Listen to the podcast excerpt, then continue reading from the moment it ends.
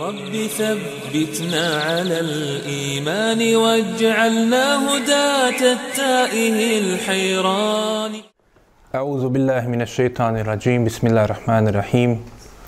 إن الحمد لله تعالى نحمده ونستعينه ونستغفره ونعوذ بالله من شرور أنفسنا ومن سيئات أعمالنا. من يهده الله فلا مضل له ومن يضلل فلا هادي له. وأشهد أن لا إله إلا الله وحده لا شريك له وأشهد أن محمدا عبده ورسوله أرسله الله تبارك وتعالى بالهدى ودين الحق ليظهره على الدين كله وكفى بالله شهيدا ثم أما بعد svakazahola pripada Allahu subhanahu wa ta'ala. Njega slavimo njega veličamo od njega pomoć i oprost tražimo. Neka je salavat i salam na njegovog posljednjeg poslanika njegovog miljenika, odabranika i našeg predvodnika Muhameda sallallahu alaihi wa sallam, njegovu časnu porodcu, sve njegove ashabe, kao i one koji slijede njihov put do sudnjega dana. A zatim, prošli put smo, hvala Allahu, stigli do zadnjih događaja koji se desili druge godine po Hidžri. Time smo, jel, zaokružili događaje druge godine po Hidžri. Večeras uz Allahovu pomoć nastavljamo govor o događajima koji su obilježili treću godinu, godinu po Hidžri. Godinu koju je obilježilo jedan veliki događaj, jedan najznačajniji događaj života Allahov poslanika, sallallahu alaihi wasallam, a to je bitka na Uhudu. Dakle, treće godine u mjesecu Šavalu bila je bitka na Uhudu. No prije te bitke bilo je nekih značajnih događaja. I kao što su i još neki bili i posljednji. Pa tako, jel, iako je ovu godinu obilježila bitka na Bedru, ima još neki događaj koji ćemo spomenuti uz Allahov pomoć, koji se također desili u ovoj godini i koji nisu toliko značajni ili da kažemo toliko velikog imali traga kao što je bitka na Bedru ili za razliku od druge godine po Hidžri koja je također obilježena jednom velikom bitkom, a to je bitka na Bedru. Dakle, e, i imali je također i druge događaje, kao što smo vidjeli, značajne od propisivanja zekata, posta, prvog Ramazana, prvi Bajrama, dakle prvog Ramazanskog i Kurban Bajrama, koji su bili u drugoj godini po Hidžri. Također i ženitba Alije sa Fatimom, radijallahu anha, ali također i, i preseljenje prve kćerke Allahov poslanika, sallallahu alaihi veselem, od njegove četiri kćerke, a to je Rukaje, supruge Osmana radijallahu anhu, također i promjena kibli koja se desila druge godine po Hidžri, tako da je mnoštvo jel, bilo veliki događaja. I treće godine, mimo bitke na Bedru, bilo još neki značajni događaja. Eh, u osnovi učenjaci jel, koji se bave sa životom Allahov poslanika, sallallahu alaihi ve sellem, oni koji su jel, biografi života našeg plemenitog i najboljeg Allahovog groba, Allahov poslanika Muhameda sallallahu alejhi ve sellem spominju 13 događaja koji su obilježili ovu godinu. Pa ćemo i samo ukratko spomenuti, ne bi li jel to e, olakšalo da što bolje zapamtimo te događaje koje ćemo poslije jel, vidjeti o čemu se radi svaki od tih događaja. Prvi događaj koji se desio u ovoj godini jeste bitka koja se desila dakle, e, sa plemenom Gatafan, bitka koja je poznata, o kojoj ćemo išala večeras i govoriti, bitka poznata kao bitka Zi Emr ili bitka protiv plemena Gatafan. Vidjet ćemo zašto je nazvana ovim imenom. Nakon toga desio se veliki slučaj i pitanje ubistva, to je tačnije kažnjavanje ubistvom Kaaba ibn al-Ešrefa, jednog od najvećih taguta i zločinaca među jevrejima koji su se posebno istakli među jevrejima u neprijateljstvu prema Allahom poslaniku, a i prema Allahu i njegovoj vjeri. Treća stvar koja se desila jeste ženitba Osmana radijallahu anhu sa drugom čerkom Allahov poslanika sallallahu alaihi veselem, to jest ženitba Osmana radijallahu Anu sa Umu Kulthum. Dakle, on je nakon što je preselila, dakle, e, prva supruga koja je u stvari bila dakle, e, kćerka Allahov poslanika Rukaja, radijallahu anha, u drugi godini po Hidžri, u dakle vremenu kada se dešavala bitka na Bedru, dakle u mjesecu Ramazanu, onda je poslanik sallallahu alejhi ve sellem nekoliko mjeseci kasnije dao mu i drugu svoju kćerku. Dakle, Umu Kulthum, što je velika odlika ovoga sahaba i zato je poznat kao Zunnurein, dakle vlasnik dva svjetla. Kažu, nijedan čovjek u istoriji čovječanstva nije oženio dvije kćerke jednog Allahovog poslanika mimo Osmana radijallahu anhu. E, dakle, to je e, bila treća stvar. Četvrta jeste također jedna bitka koja se desila, a to se zove bitka Gazvetul e, Fur'a ili Gazvetu e, Bahran. To jeste u mjestu Bahran ili mjestu Fur'a, dakle to je u osnovi jedno te isto mjesto, ali imala dakle dva ta naziva. Dakle, tu je poslanik sallallahu alejhi ve sellem izašao sa velikom skupinom, kao što ćemo išala vidjeti. E, također, peta stvar jeste izvidnica koju je poslao pod komandom Zejda ibn Harithe, radijallahu anhu. Šesta stvar jeste da je i e, također i sedma, dakle se tiče, tiče dvije ženitbe Allahov poslanika, sallallahu alejhi ve sellem. Prvo je oženio Hafsu, čerku Omera, radijallahu anhu, a onda je oženio i prvu od dvije Zeynep koje je oženio, a to je Zeynep, čerka Huzeime, koja je poznata bila kao majka siromaha. E, osma stvar koja se desila jeste rođenje Hasana, sina Alije radijallahu anhu, prvog unuka Allahov poslanika, dakle, e, unuka kojeg je dobio, jel, Alija radijallahu anhu iz braka sa Fatimom radijallahu anha, čerkom Allahov poslanika, sallallahu alaihi ve sellem. Nakon toga deveta stvar jeste, dakle, bitka na Uhudu. Dakle, sve su ovi događaji po redoslijedu kako, kako su se dešavali spominuti.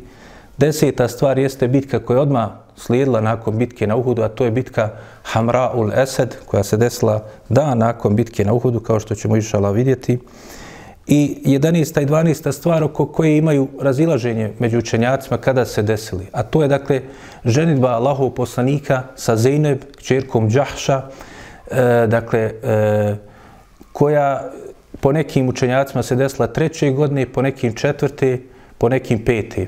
I povodom nje i ženitbe Allahu poslanika sa ovom majkom vjernika, dakle, spušten je ajet hijjaba, to jest naredba o pokrivanju, dakle, e, vjernica, kao što ćemo išala vidjeti kada dođemo do toga, jel, e, detalje toga. I 13. stvar jeste da je nakon bitke na Uhudu, tek, dakle, nakon bitke na Uhudu treće godine, po hijri zabranjen alkohol, spušteni, dakle, ajeti u kojima je zabranjen alkohol. Dakle, to je 13 najvažnijih događaja koji se desili u ovoj godini. E, prvi događaj koji smo spomenuli jeste, dakle, bitka koja se desila već u mjesecu Muharremu, dakle, prvom mjesecu treće godine po hijri, dakle, bitka Zi Emr ili bitka protiv plemena Gatafan. Dakle, Allahu poslanih, sallallahu alaihi ve sellem, kada se vratimo na događaje druge godine po Hidžri, vidjet ćemo da se formirali dakle, tabori, tabori, dakle, kao što smo rekli, dan e, Bedra je dan Furkana, razdvajanje među istine i laži.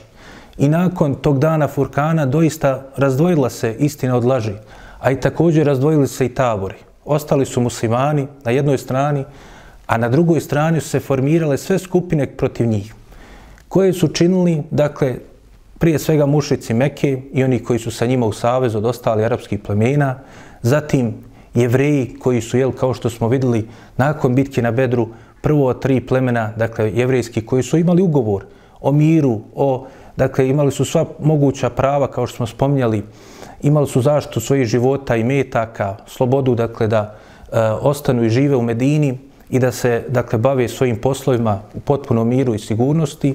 No, međutim, Oni su umjesto da se potpomažu sa muslimanima i za svoju korist, prije svega ne korist muslimana, oni su odlučili da prekrše pleme, dakle, pleme Bernu Kajnu Ka, prekršilo je dakle, ugovor i došlo je do bitke i pohoda poslanika sallallahu alaihi ve sellem prema ovome plemenu, pa su jel bili protjerani.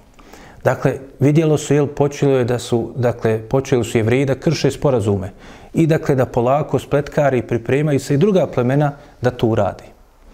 Dakle, to je drugi tabor koji je naspram muslimana se formirao. Treći su bili munafici koji su nakon bitke na Bedru se pojavili. Dakle, oni koji su od mušrika ostali van okvira Islama, a živjeli dalje u Medini, nakon bitke na Bedru lažno su primili Islam da bi se borili iz, iz redova muslimana u redovima među muslimanima da siju razdor i da siju fitnu i smutnju, ne bili na taj način, jel, ostvario Abdullah ibn Ubej ibn Selul svoje planove, dakle da on ipak zavlada Medinom, dakle predvodnik tih munafika.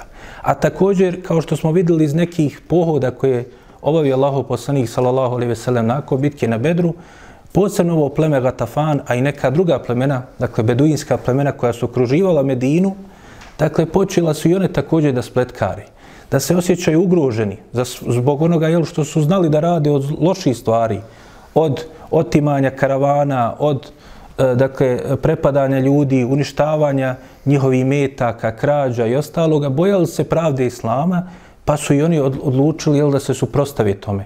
Da jel, preduprijede dolazak Allahov poslanika sa svojom pravdom, sa Islamom, sa istinom, dakle da se i oni suprostavi. Dakle, vidimo četiri skupine koji se imaju zajednički cilj. Dakle, da se i svojih svako interesa bori protiv muslimana.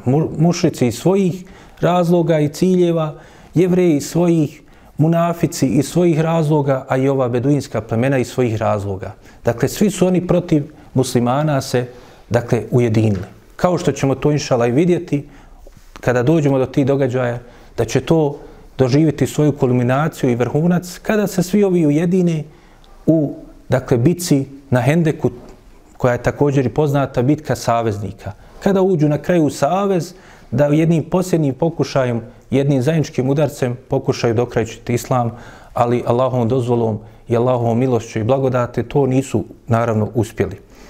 Allahov poslanik sallallahu alejhi ve sellem u ovom periodu i druge godine, a onda je također i nastavlja u trećoj godini po hidžri, dakle, strateški izvodi dakle, svoju, dakle, svoju skupinu ashaba koja je bila sa njim, dakle, tih vjernika, strateški izvodi, dakle, ili pohode, ili šalje izvidnice, da bi zaštitio Medinu. Dakle, nije mu bio cilj da te ljude, dakle, uništi, da ih, dakle, na neki način dokrajči, da ih e, natira da primi islam. Ne, nema to veze sa islamom. Nego je želio strateški da pošalje poruku svim tim skupinama. Dakle, kada je poslao, dakle, e, izvidnice koje u druge godine slao, dakle, da pokaže snagu, dakle, da pokaže da ovi nemaju, dakle, smjelosti da se ne usude da napadnu Medinu. Dakle, da bi samo e, sačuvao i zaštitio Medinu od svih tih neprijatelja. Morao je, jel, proaktivno da djeluje, da to on spriječi prije nego što oni sami se jel, organizuju kao što će se na kraju pokušati organizovati, dakle, da unište muslimane i islam. Jer je to njima svima jasno zajednički cilj. I oni na tom putu ne biraju sredstva i metode.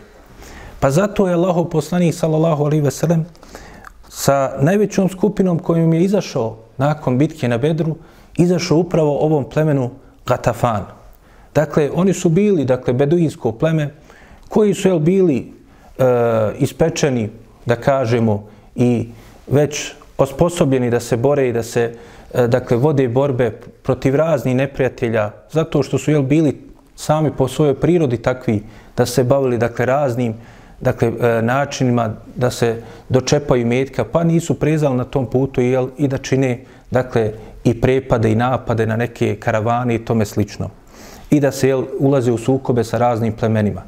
Pa je Allaho poslanik sallallahu alaihi veselem, u mjesecu Muharremu izašao sa 450 ashaba i krenuo dakle, da on dođe njima, a ne da oni dođu njemu.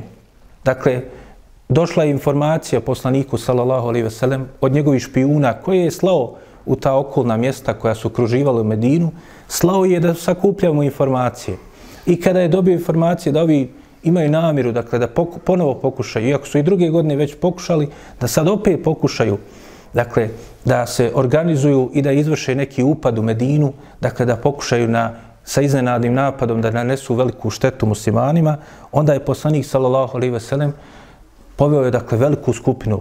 Dakle, videli smo na Bedru bilo 314, 319, a sada i 450 izlazi, dakle, i ide, dakle, na područje gdje žive to pleme u blizini Medine, dakle u tim dakle pustinskim predjelima.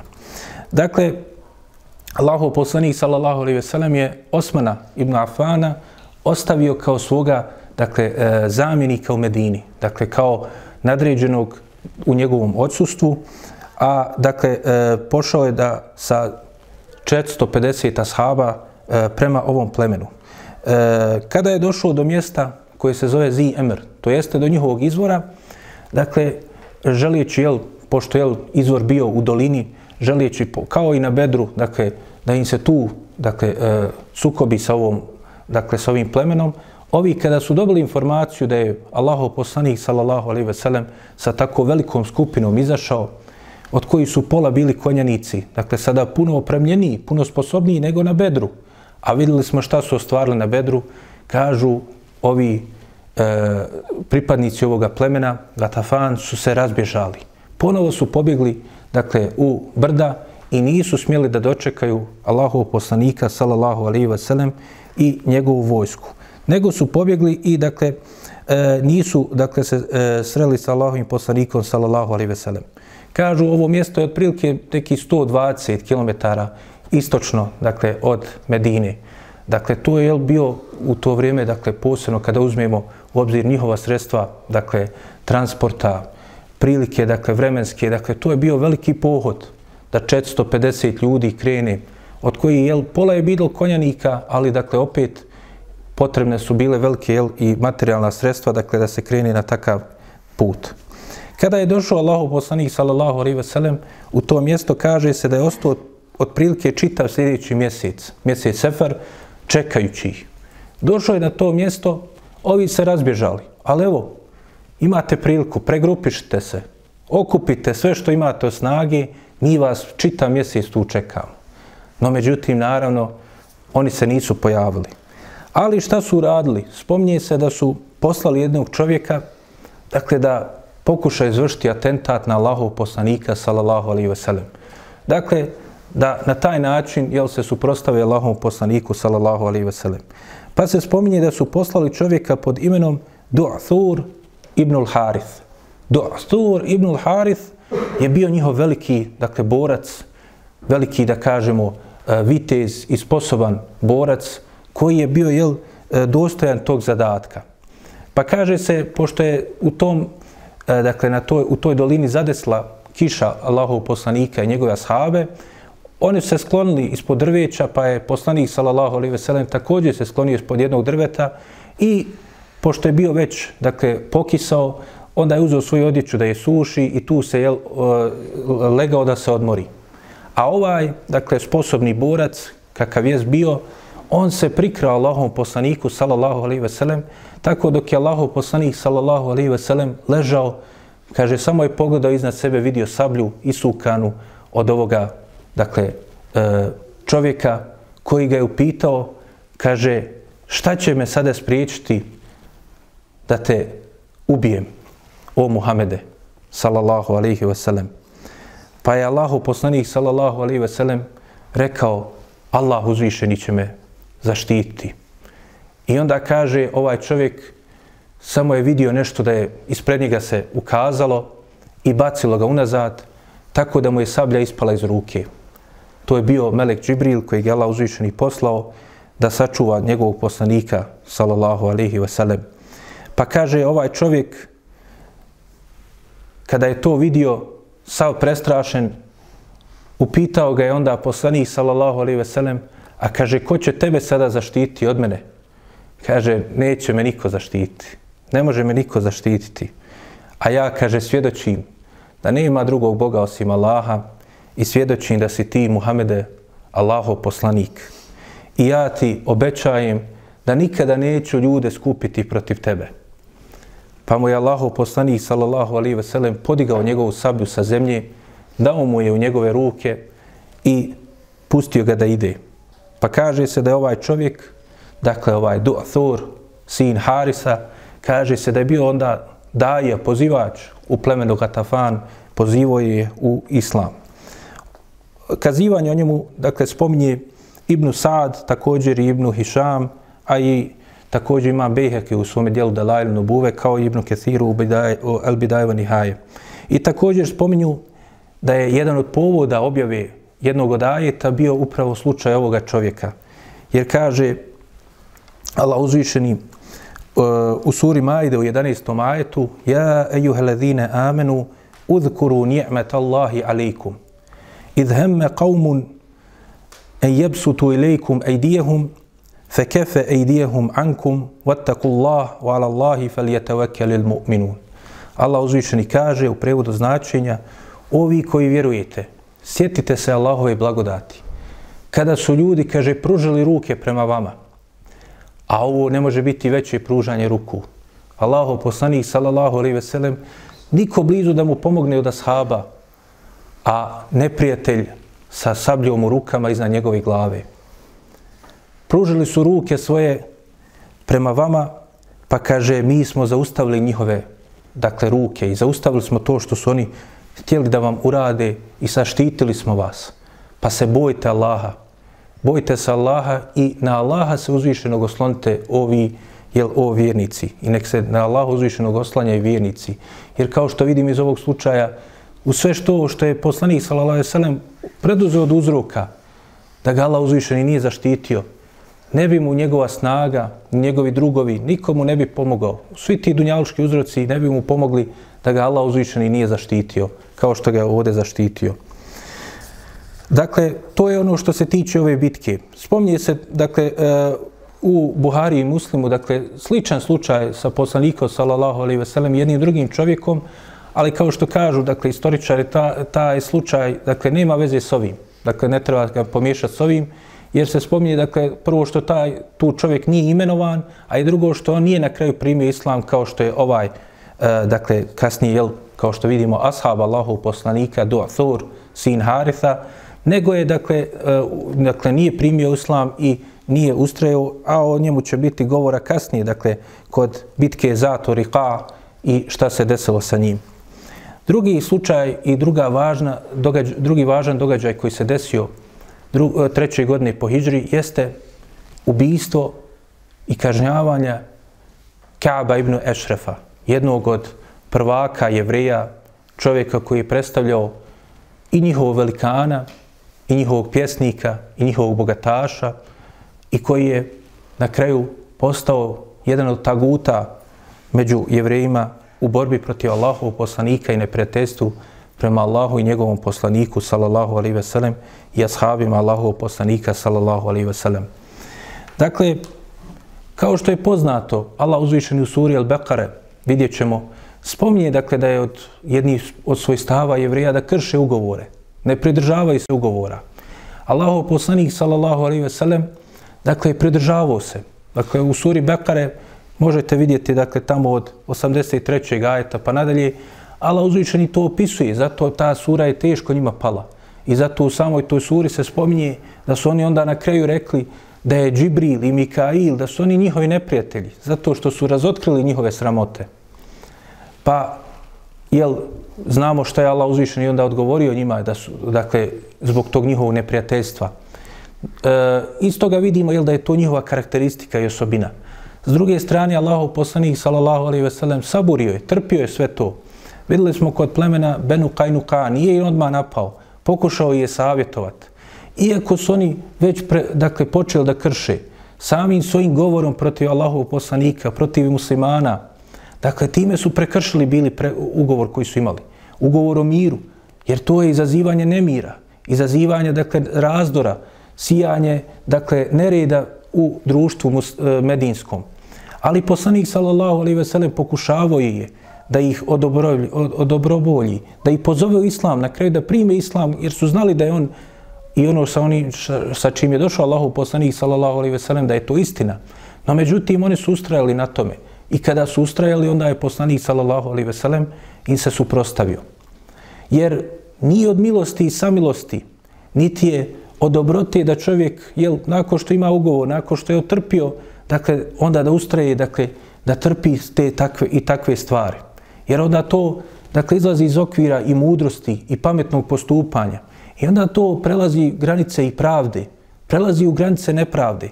Dakle, kao što smo vidjeli slučajeve koji se spominju, da su nekim muslimankama nažao učinili, da među, u Medini, dakle, pjesme opjevavaju kojim vrijeđaju Allahov poslanika, salallahu alihi vesenem, vrijeđaju islam, vrijeđaju muslimane, vrijeđaju muslimanke.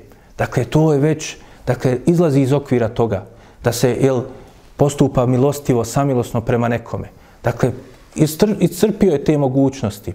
A s druge strane, dakle, imali su još ugovor koji im je pružao najbolje uvjete, a oni su ga, jel, na kraju sami prvi prekršili.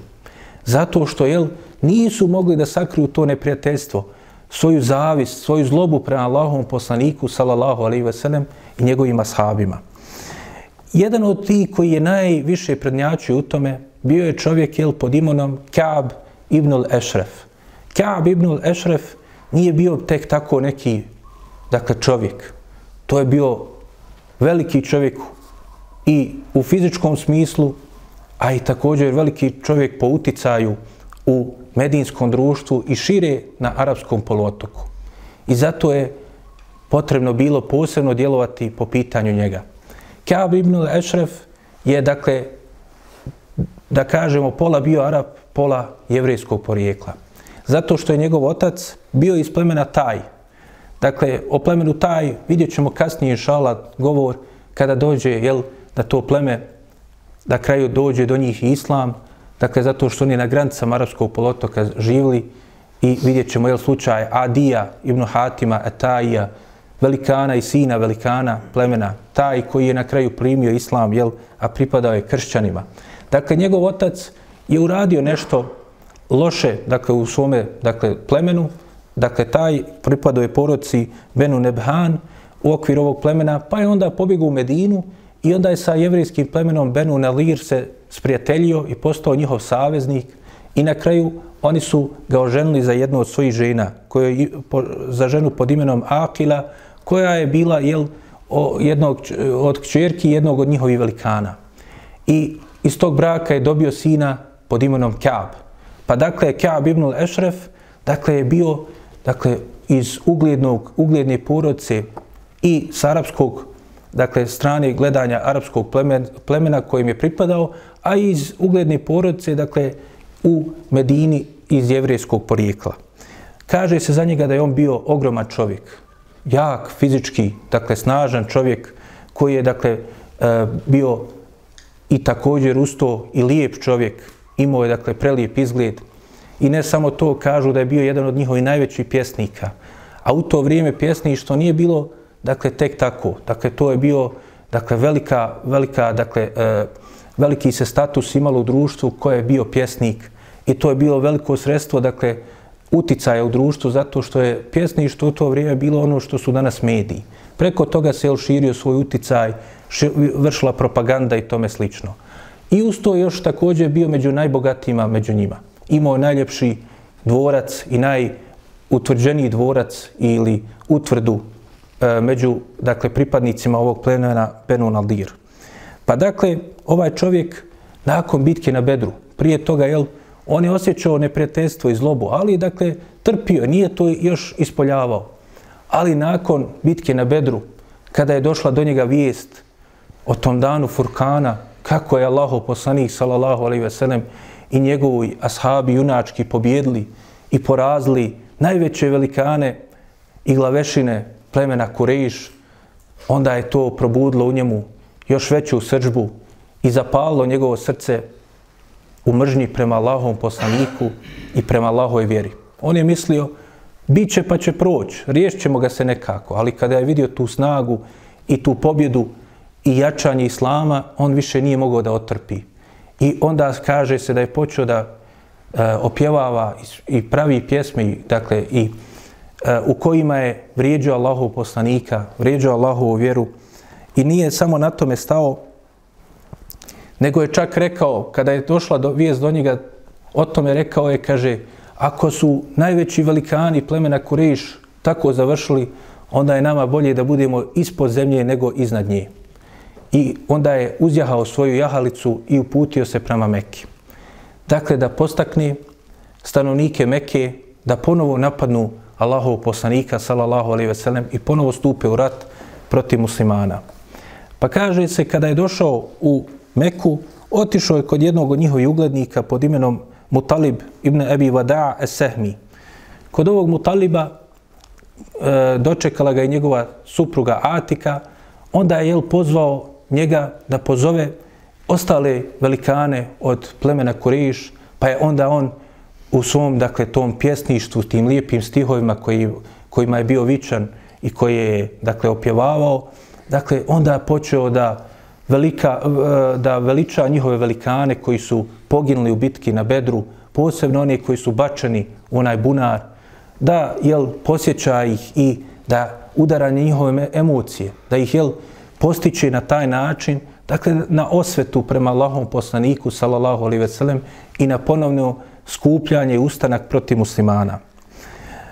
Pa nakon toga se spominje čak kako bilježi Ibn Hiban od Ibn Abasa, a i također imam Bezar u svome musnedu, a ovu predaju e, u svome tefsiru Ibn Kethiri ocinio vjerodostojnom, kaže se da mu Ebu Sufjan sav je zapaljen od tih lijepih stihova koje je čuo o njihovim velikanima, sav željan jel osvete, upitao ga je, dobro ti si jevrej, kaže, pa kaže, ko je na istini? Ko je bolji, mi ili Muhammed? Pa je, kaže, rekao na to ovaj zločinac, kaže, vi ste bolji. Vi kao mušici bolji ste od njega koji slijedi knjigu, a i on kao slijedi knjigu. Čak se spominje da mu je, dakle, Ebu Sufjan rekao, e, da mu je rekao, kaže, ko je bolji, kaže, mi ili ovaj, kaže, koji nema spomena, koji nema, dakle, potomaka, i bit će mu zaboravljen njegov spomin. Dakle, taj bezvrijedni čovjek ne uzubila. Ko je vrijedniji? Pa kaže, naravno, vi ste vrijedni, vrijedniji. I u povodu toga se spominje da je Allah uzvišeno objavio dva ajeta.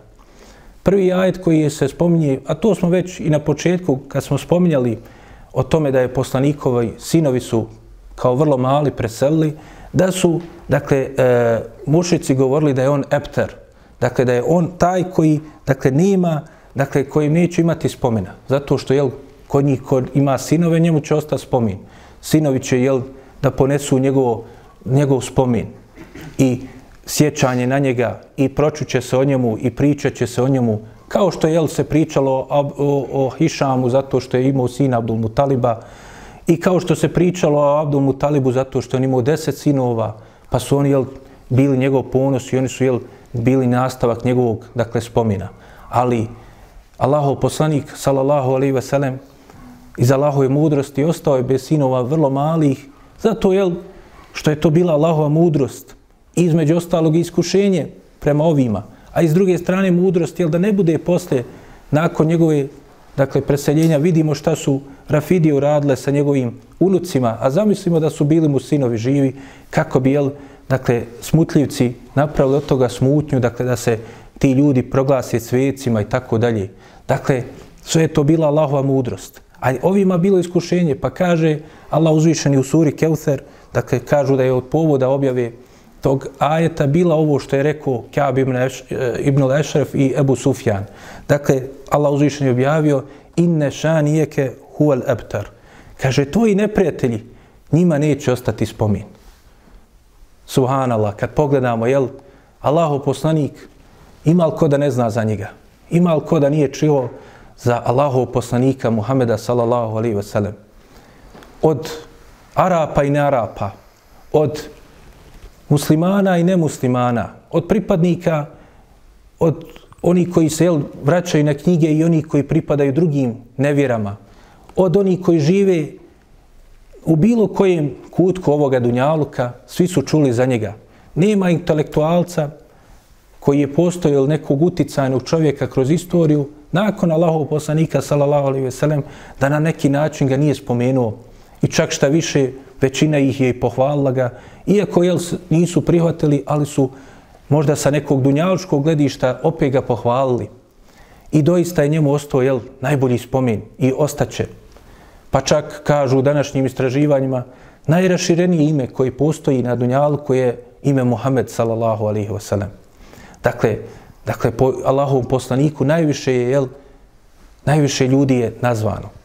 Dotle je išlo da su privere radi Francuzi u svojim dakle, e, kolonijama koje su zauzeli po afričkom kontinentu, naćete dakle, da su mnogima, e, u mnogim državama poput Senegala i drugim državama dakle, nisu dali da se dadne ime Muhammed, nego su iskrivljavali ta imena, namjerno pokušavajući jel, dakle, da ne bude da su to Muhamedi. Pa vidjet ćete imena Muhammadu, Mumamadu, Mahamadu. Dakle, to je u osnovi sve ime Muhammed sallallahu alaihi ve sellem. Braća iz Afrike kažu, ne daju im dati ta imena. Pa znači, kada pišu i tamo u njihove matične knjige, onda u francuskoj transkripciji iskrive to ime. Ali svi znaju da je to Muhammed. Dakle, to je dakle, razlog zašto imamo ti mnogo verzija. Ili kao što su naša braća Turci jel, došli do imena Mehmed, što je u osnovi jel, izvedenca Turska od a, imena Muhammed. Dakle, vidimo jel, da je Allahom poslaniku ostao spomen, a njegovim neprijateljima, kakav je spomen ostao? Nikakav ili spomen poput ovoga zločinca Kaaba ibn Ešrefa, kao što ćemo vidjeti. Također, drugi ajet koji je objavljen jeste ajet u suri Nisa, gdje Allah uzvišeni kaže Iako za ovaj ajet kaže se da je objavljen općenito i po pitanju Benu Kureiza, znači da ima više povoda, spominje se, ali doista e, možemo reći da i ovaj slučaj Kaaba ibn Ešrefa spada u to. Dakle, Allah uzvišeni kaže Elem tere ille ledine utu nasibe minel kitab yu'minune bil jibti wa tagut wa yakulune lilladine keferu ha ulai ehda minel ledine amenu sabila. Allah uzvišeni spominje ovo što je uradio Kaab ibn al-Ešref i posle kao što će urati Benu Kureiza. Dakle, kaže, zar nisi vidio one kojima je da dio knjige? Dakle, dat vam je dio knjige, imate kod sebe istine. Ali šta govore? Kaže, vjeruju, kaže, u džipt. Kao što znate iz komentara na knjigu Tevhida kada se govori, dakle, ima više mišljenja šta se misli pod džiptom. Dakle, da li je to sihr, magija, da li je to, dakle, obožavanje nekoga mimo Allaha uzvišenog, suđenje sa nečim mimo Allahovog zakona i dakle sve to uspada u to značenje. Ka, a s druge strane tagut, to jeste prije svega šeitan kao njihov predvodnik i svi oni koji dolaze nakon njega u prelaženju granica zla i činjenja zločina. A kaže još uz to nije samo to da rade i vjeruju tako, nego kaže i govore onima koji ne vjeruju, to jest u ovom slučaju mušicima, Kaže, vi ste na boljem putu nego oni koji vjeruju. Dakle, kako je moguće? Sama ova konstrukcija, dakle, kad vidimo ovo što Allah uzvišeno ispominje, dakle, kad čovjek pred sebe postavi, dat vam dio knjige, a onda vjerujete u džipt i u taguta, a onda još govorite da oni koji ne vjeruju, da su oni na boljem putu nego oni koji vjeruju. Dakle, to razum odbacuje. To odbacuje to što vi kažete da imate dio knjige. Pa kaže se dalje, onda kada se vratio u Medinu, onda je još veće granice prešao ovaj zločinac. Jer je, kaže, počeo da opjevava i pravi ljubavne pjesme u kojima žudi za ženama muslimana, dakle, za ashabikama i da ih opjevava. Pa u jednoj je, kaže, opjevao Umu Fadl, suprugu Abasa ibn Abdul Mutaliba. Dakle, da kažemo, jel, strinu Allahovog poslanika, sallallahu alaihi ve sellem, i da vrijeđa ih i da jel, opisuje kako žudi za njima i neuzubila šta bi sve oni, jel? A bio je, kao što smo rekli, fizički vrlo jak, vrlo lijep čovjek. Dakle, i time je prešao sve granice. Pa u hadisu koji bilježi ima Buharije i Muslim, a i drugi, spominje se da je Allahu poslanik sallallahu alaihi ve sellem jedan dan rekao, kaže, ko će se pozabaviti sa Kaabom ibnul e, e, ibn Ešrefom? Pa je, kaže, ustao Muhammed ibn Mesleme i rekao, ja ću Allahu poslaniće. Pa kaže, upito je Muhammed ibn Mesleme, kaže, Allahu poslaniće, jel želiš da ga ubijem? Allahu poslanik, sallallahu alaihi ve sellem odgovorio, da, želim da ga ubiješ.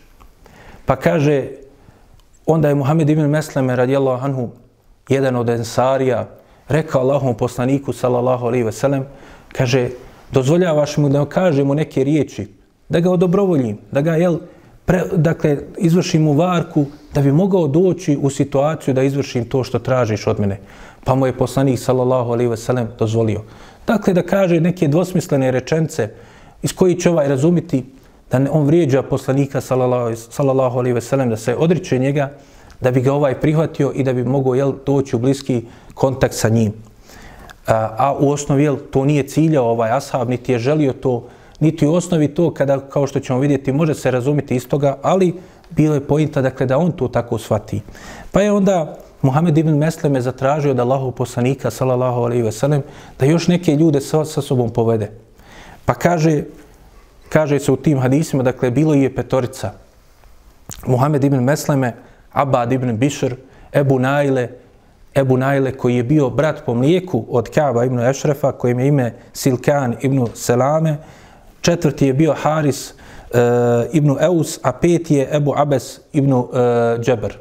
Dakle, ovi pet ashaba, Allahov poslanika, sallallahu alaihi ve sellem, su preuzeli na sebe ovaj zadatak. Možemo reći dakle, da ova skupina predstavlja jel, specijalne snage Allahovog poslanika, sallallahu alaihi ve sellem, za ovaj teški zadatak. Dakle, posebna skupina od ashaba koji su prihvatili ovu veliku zadaću i veliku dakle, čas čast dobili od Allahovog poslanika, sallallahu alaihi ve sellem. Pa kaže se da je onda otišao Muhammed ibn Mesleme i rekao ovom Kabu ibn Ešrefu, kaže, Allahov poslanik traži samo od nas zekata. Umorio nas je više. Teško nam je to. Dakle, što je osnovi jel, činjenica, traži se zekat da daju, dakle, nije to baš ni lahko, nije on ništa njemu tu slago, on je ciljio jednu stvar, a ovaj je naravno razumio drugu. Pa je zbog toga rekao na tomu, dakle, Kaab ibn Ešref, kaže, još će vas on više umoriti. Dotle da nešta više moći umoriti, izdržati to. Pa kaže, E, na to jel, šutio je Muhammed ibn Mesleme, a onda mu rekao, kada bi nam posudio nešto od imetka, dakle, jedan ili dva tovara datula da nam dadneš, pa kaže da se pomognemo time, ne imamo, u teškim smo prilikama. Nakon toga došao je Ebu Najle, pa je također i on slično rekao. On je još više dodao i kaže se u predaji, dakle, koju bilježe drugi, dakle, mimo Buhari i muslima, detalje toga. Dakle, spominje se dakle, e, da je on onda rekao e, Kabu, kaže, o, Allahov poslanik, sallallahu alaihi ve sellem, nam je došao i on nas je, kaže, zavadio sa svima, teško nam je, u teškoj smo situaciji, svi su se Arabi, Arapi oko nas okupili, sve što je činjenica, jel tako? I sada smo u teškoj situaciji naše porodce, pa hoćeš li mi posuditi jedan ili dva tovara? Muhammed ibn Mesleme mu je bio prijatelj, dakle u džahilijetu, prije islama, a Ebu Najle mu je bio još više brat po mlijeku, tako da imao, imali su bliske odnose sa njim. I on je naravno se složio s tim, ali je pitao šta ćete mi dati kao zalog? Šta ćete mi dati kao zalog? Dakle, za taj imeta koji ću vam ja dati. Dakle, vidimo kako su mudro postupili. Dakle, došli su i udarili su ga na onu na što će on biti slab. A to je, dakle, jel, imetak. On je bogataš, on je drago mu, jel, da dođe u situaciju da posuđuje pa da onda na tome profitira. Kao što uvijek jel, je bila njihova karakteristika. Pa kaže se dalje, onda su je upitali ja, šta želiš kao zalog. Jel? Oni traže im, dakle, da im dadne tovare hrane, ali nemaju novca naravno. Kažu, jel, dali su za zekijat, pa nemaju sad novca. Pa kaže, šta tražiš za to? Onda je on, ovaj pokvarenjak, rekao, dajte mi svoje žene kao zalog. A ovi su naravno rekli, opet suzdržavajući se, jel, da ne ispadne, jel, da ne prokuži ono što oni imaju kao namiru, rekao, rekli mu, kako ćemo to dati kao što bilježi Buhari i Muslim, a ti si, kaže, od najljepših Arapa. Sada opet udaraju, jel, na njegovu sujetu i na njegovu, jel, ponos, kako želi da istaknu kako je on najljepši Arapa, da bi ga opet, jel, odobrovoljili. Pa onda je on rekao, dobro, dajte mi svoju djecu, neka ona budu kod mene dok ne vratite to. Pa je onda su mu rekli kako ćemo dati svoju djecu, a onda da kažu poslije da nas ljudi kude i da nas kritikuju, kaže dali su svoju djecu za jedan ili dva tovara hrane. I naravno i sa tim se on složio jer znao je jel, kako je važno kakav ćeš imati ugled u društvu, da li ćete koriti, da li ćete dakle, napadati i kritikovati. Onda je rekao, pa šta mi onda vi nudite? Pa su rekli, da ćemo ti svoje oružje kao zalog. I naravno, to se njemu svidilo. Dakle, oružje je važna stvar, vrijedna u tom vremenu. A opet ovi ashabi to mudro postupaju zato što je njima bio cilj da dođu vrlo blizu njemu sa svojim oružjem. Dakle, on, on, on će misli da dolazi da mu dadnu oružje, a oni sa nekom drugom namjerom. Jer, kao što kaže ima muslim, odnosno Allahu poslanik sa selem, kaže, a bilježi ima muslim svoje sahihu, dakle, rat je varka. Dakle, nema nikakve u svemu ovoj ništa sporno. Dakle, poslanik, sallallahu alaihi ve sellem, koristi se varkom i njegovi ashabi. Dakle, oni ne pravi nikako izdaju. Izdaju u smislu kršenja ugovora, e, varanja, dakle, iz, iznevjeravanje date riječi. Ne. Dakle, oni koriste varku koju ova, jel, nije razumio koja im se sprema i upao u njihovu zamku. Pa kaže, onda kada su oni tako rekli, Eh, Ebu Nailne mu je također rekao, dakle kada je on drugi put došao, e, dovešću još neke svoje prijatelje, oni žele isto tako. I ovom naravno se to svidlo, doće mu dosta sablji, uzeće, jel doće ovi muslimani poniženi. Nakon što je sve tako opjevavo njihove žene, oni poniženi dolaze da traže od njega i metak. Dakle, on sav cvjeta od toga što ga je jel, potrefilo. I obradovao se tome i rekao, slobodno neka dođu. Pa su oni onda otišli Allahom poslaniku, sallallahu alaihi ve sellem, i obavijestili ga o tome, a onda je poslanik, sallallahu alaihi ve sellem, rekao, dakle, e, složio se sa njihovim planom i rekao da odu u njemu. Pa kaže se, u ovim predajama se bilježi da je 14. Rebiju Leuela se to desilo. Dakle, u svakom slučaju mjesecu Rebiju Leuelu. Dakle, desilo se da je ubisto Kjaba ibn Ešrefa i spominje se, dakle, u jedno od ovih predaja, dakle, da je to bilo u 14. 14. Rebiju Leuela, na veće, dakle, treći mjesec hijđretski. Dakle, e, poslanik sallallahu alejhi ve sellem pratio ovu skupinu do Bekije, dakle mezar u blizini njegovog mešćida Bekije tul i kaže u toj mrklin, mrkloj noći onda je dovio Allahu za njih i rekao krente sa Allahovim imenom i neka vas Allah uzvišeni pomogne u tome. A onda se Allahov poslanik sallallahu alejhi ve sellem vratio svojoj kući i čitavu noć probdio klanjajući i dovijeći Allahu da pomogne ih u ovoj misiji ovi ashabi su došli pred njegov dvorac. Ne more se lako ući u te dvorce. Čak šta više ostaci tog dvorca i danas dan svojim očima sam mogao da vidim dakle, ostatke tog ogromnog dvorca koji je pripadao Kabu ibn Lešrefu. Danas dan su jel, ostali. Nalaze se jugoistočno, dakle na samoj periferiji grada e, Medine pripadaju oblasti koje pripada i Mešćid Kuba. Dakle, oni kada su došli, on je, kaže, bio već e, dakle, e, u svojoj postelji, a bio je tek oženio se. Pa je bio sa svojom jel, novom suprugom, dakle, u bračnoj postelji, a onda su oni ga, jel, usred te noći počeli da dozivaju da izađe. Pa kaže, kada je to čula njegova supruga, kao što bilježi ima Buharija i Muslim, kaže, rekla je, kaže, ko su sad ovi, kaže. Pa kaže, to su moji prijatelji, došli su nešto, dakle, imaju neku potrebu, kaže, pa moram izaći. Pa kaže, zar ćeš sad izlaziti u ovoj mrkoj noći, mogu ti nešto uraditi, i tako dalje. Kaže, rekao je Kaab ibn Ešref, kaže, kada se plemeni čovjek pozove i, dakle, na sukob, on će usred noći izaći ako treba. Ova žena je rekla mu, kaže, doista u njihovim glasovima čujem, kaže, kao da su to glasovi ljudi kojima iz usti, kaže, curi krv. Nešto strašno osjećam da ti pripremaju. No, međutim, on se nije okretao i nije dakle, uopšte uh, pridavao pažnje njenim, njenim riječima. Kada, su, kada je izašao, onda su oni stali da pričaju sa njim, pa je Ebu Najle tražio od njega da čuje neki od njegovih stihova, pa je on sav radostan citirao nešto od svojih stihova, pa i onda nakon toga Ebu Najle mu rekao, šta misliš da prošetamo do onog starog panja, tamo onog drveta, pa da malo popričamo noćas da posjedimo. Pa se on složio. Pa su nastali da hodaju, A u tom hodu onda je Ebu Najle mu rekao, kaže, kako ti lijepo mirše kosa. A pošto je on jel, bio u bračnom krevetu, on se bio namirisao i pripremio, a kažu imao je lijepu valovitu kosu, pa iz njega je, jel, se osjetio, iz nje se osjetio taj miris. Pa je ova jel, dakle, sav, dakle, zadovoljan što ga ovaj tako pita, rekao, imam, kaže, žene koje pravi najljepše mirise. Kaže, e, posle mu je toga Ebu Najle rekao, kaže, mogu dodirnuti tvoju kosu da, dakle, osjetim taj miris na svojim prstima, pa mu je pustio, dakle, da dodirne njegovu kosu. Pa su nastavili da hodaju, pa je ponovo Ebu Najle rekao, mogu li, kaže, ponovo, dakle, da dodirne tvoj kosu, da pomiršem onaj miris. Pa je ovaj pustio.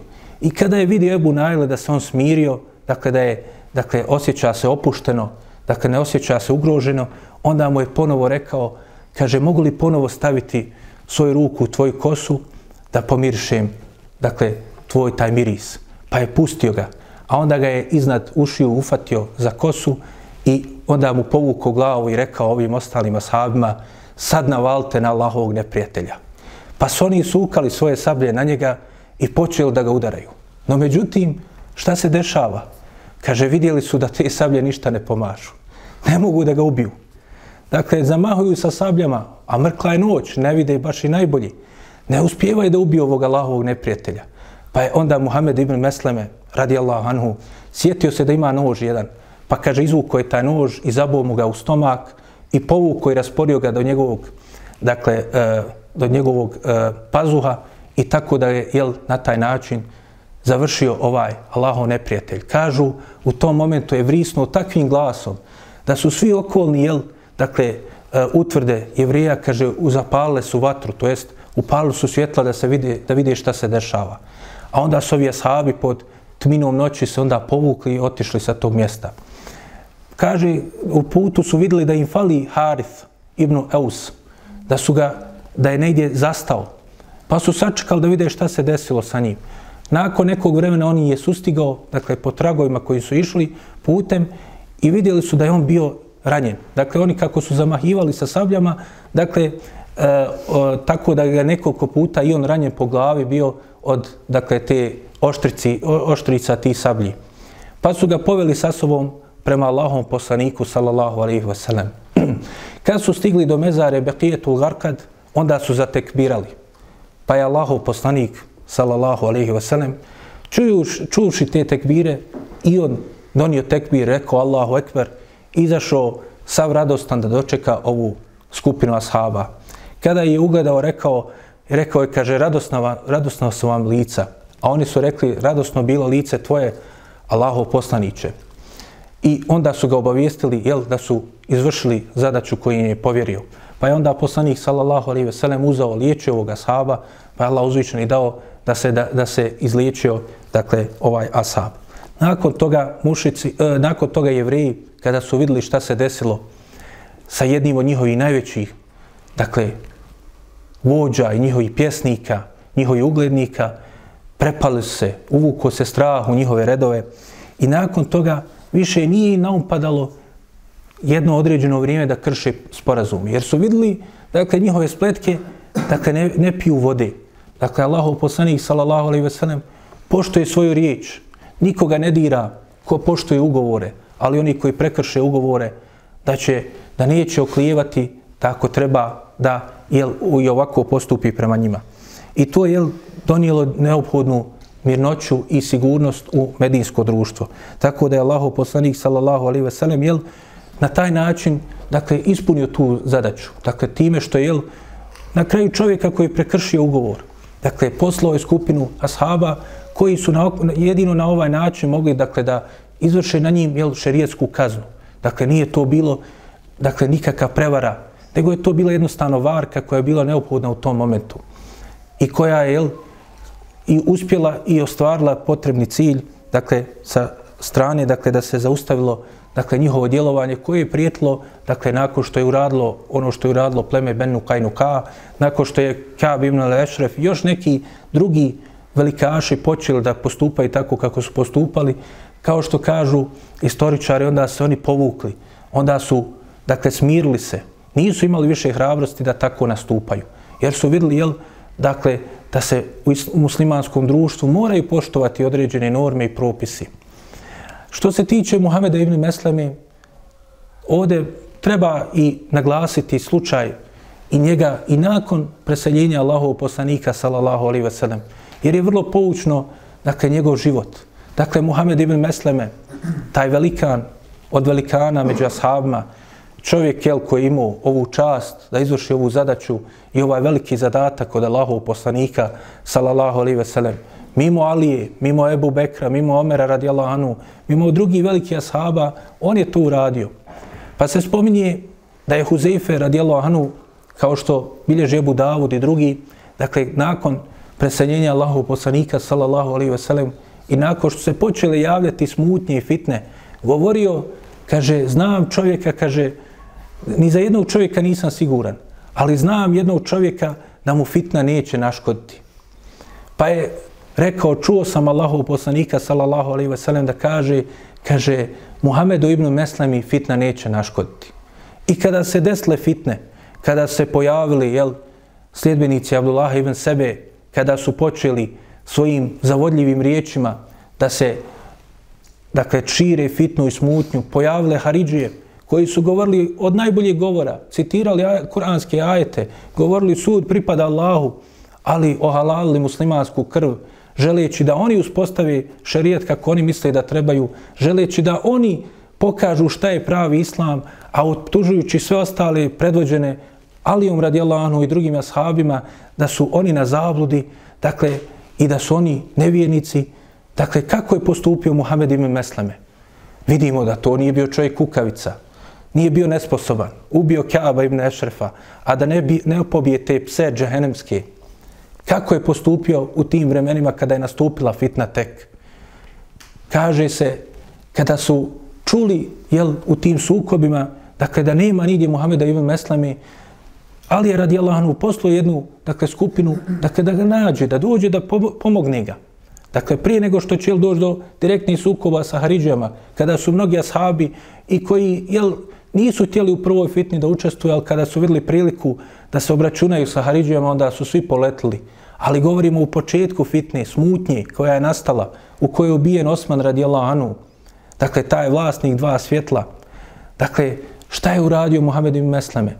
Kaže se, nakon što je on ubijen, nakon što je Alija preuzeo hilafet i poslao jednu skupinu da ga nađe, kaže, našli su ga u pustinji, uzeo drvenu sablju i udarao kamen. Pa su mu rekli, rekli mu, halifa, vladar pravovjernih, te zove da mu dadneš, da ga pomogneš. Pa kaže, meni je poslanik, sallallahu alaihi ve sellem, rekao da ovako radi. Kaže, u hadisu koji bilježe imam Ahmed, također imam Hakim, Bejhek i mnogi drugi, dakle, dobrim lancem prenoslaca se spominje, kaže da je njemu rekao Allahu poslanik sallallahu alejhi ve sellem kaže tebi o Muhammed ibn Mesleme neće naškoditi smutnja. Kada nastupe smutnje, ti, kaže, slomi svoju sablju i otiđi, zatvori se i čekaj, kaže, ili da dođe nepravedna ruka koja će ti učiniti nešto nažao, ili da ti dođe od Allaha izlaz.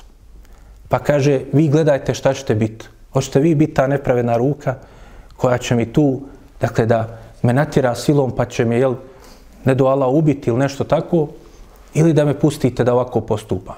Dakle, u smutnjama, u vremenima nereda, nije cilj da se ide u njih, da se nastupa, da se pridružuje, da se svrstava u te safove i redove, nego da se povuče svega toga. Zato je poslanik sallallahu alejhi ve sellem rekao, kaže, ibadet u vremenima smutnje. A ovo vrijeme koje mi živimo, u mnogo čemu je vrijeme smutnje. I ovo što se dešava po pitanju ove bolesti koja se raširila i pojavi raznih zabluda, kaže se u vremenu smutnje, kaže poslanik sallallahu, sallallahu alaihi veselem u hadisu, do, koji dobri lance bilježi ima Mahmed i drugi, kaže ibadet u vremenu smutnje je kao hijđra meni. Dakle, velika vrijednost ima. Što znači, jel, kao što su govorili drugi, poput Ebu Sejda al-Hudrija, kaže, kad nastupi smutnja, mnogi se jel, iz nje, u njoj pogube. Kad završi smutnja, onda su mnogima postane jasne stvari šta su bile. Nama je jasno, jel, ko su bile prve Haridžije. Ali da li su nam jasno ko su sadašnje Haridžije? Neki kažu, pa današnje Haridžije nisu na to ni prijašnji. Tačno je. Ali tadašnje Haridžije su se morale suprostaviti ashabima. Morali su to biti najsposobniji ljudi, najbolji u nekim stvarima da bi uspjeli uopšte da stanu nasprama sahaba Allahov poslanika. Da dođe jel, jedan od njih da ubije Aliju radijallahu anhu, koji kada je porazio na Nehrevanu, tražeći onog Zu Sedeija sa onim kratkim rukama, kaže se, bacuje njihova tijela. Kaže, nismo ga našli vladaru pravovjeri, pa kaže, otišao je nam, dakle, masu njihovih tijela koja su bila nabacana od tih Haridžija i kaže, svojim rukama je bacuo lijevo i desno. Toliko je bio jak i hrabar i sposoban Alija radijallahu anhu. Pa tako da su oni jedino kukavički mogli da ga ubiju na putu na sabah namazu. Tijeli su tako i Muaviju, tijeli su tako i Amra ibn Lasa. Dakle, kukavički su ga jel, postupili tako što je nadojio svoju dakle, sablju sa e, otrovom i onda probao Aliju radi Allahanu. A današnje Haridžije, pogledajmo jel, kakvi smo mi, pa onda što ćemo se čuditi, jel, što oni nisu na tom stepenu, ali to ne mijenja njihovu suštinu. Molim Allaha subhanahu wa ta'ala da nas učini od istinskih sljedbenika Allahov poslanika sallallahu alaihi ve sellem da nas učini od onih koji vole Allahov poslanika i njegove ashabe koji slijede njihov put Molimo ga subhanahu wa ta'ala da nam oprosti naše grijehe, da nam se smiluje, da otkloni od nas ovu nedaću i iskušenje koje nas je zadesilo, da olakša svim muslimanima na svakom mjestu, izliči bolesti muslimane. Molimo ga subhanahu wa ta'ala da pomogne muslimane na svakom mjestu, kao što ga molimo uzvišenog da nas sačuva od svake zablude i svakog puta koji vodi ka zabludi i da nas proživi na islamu i umrtvi na njemu i kao što nas je ovdje sabrao da nas sabere i sakupi u najboljem društvu u dženetu. Amin.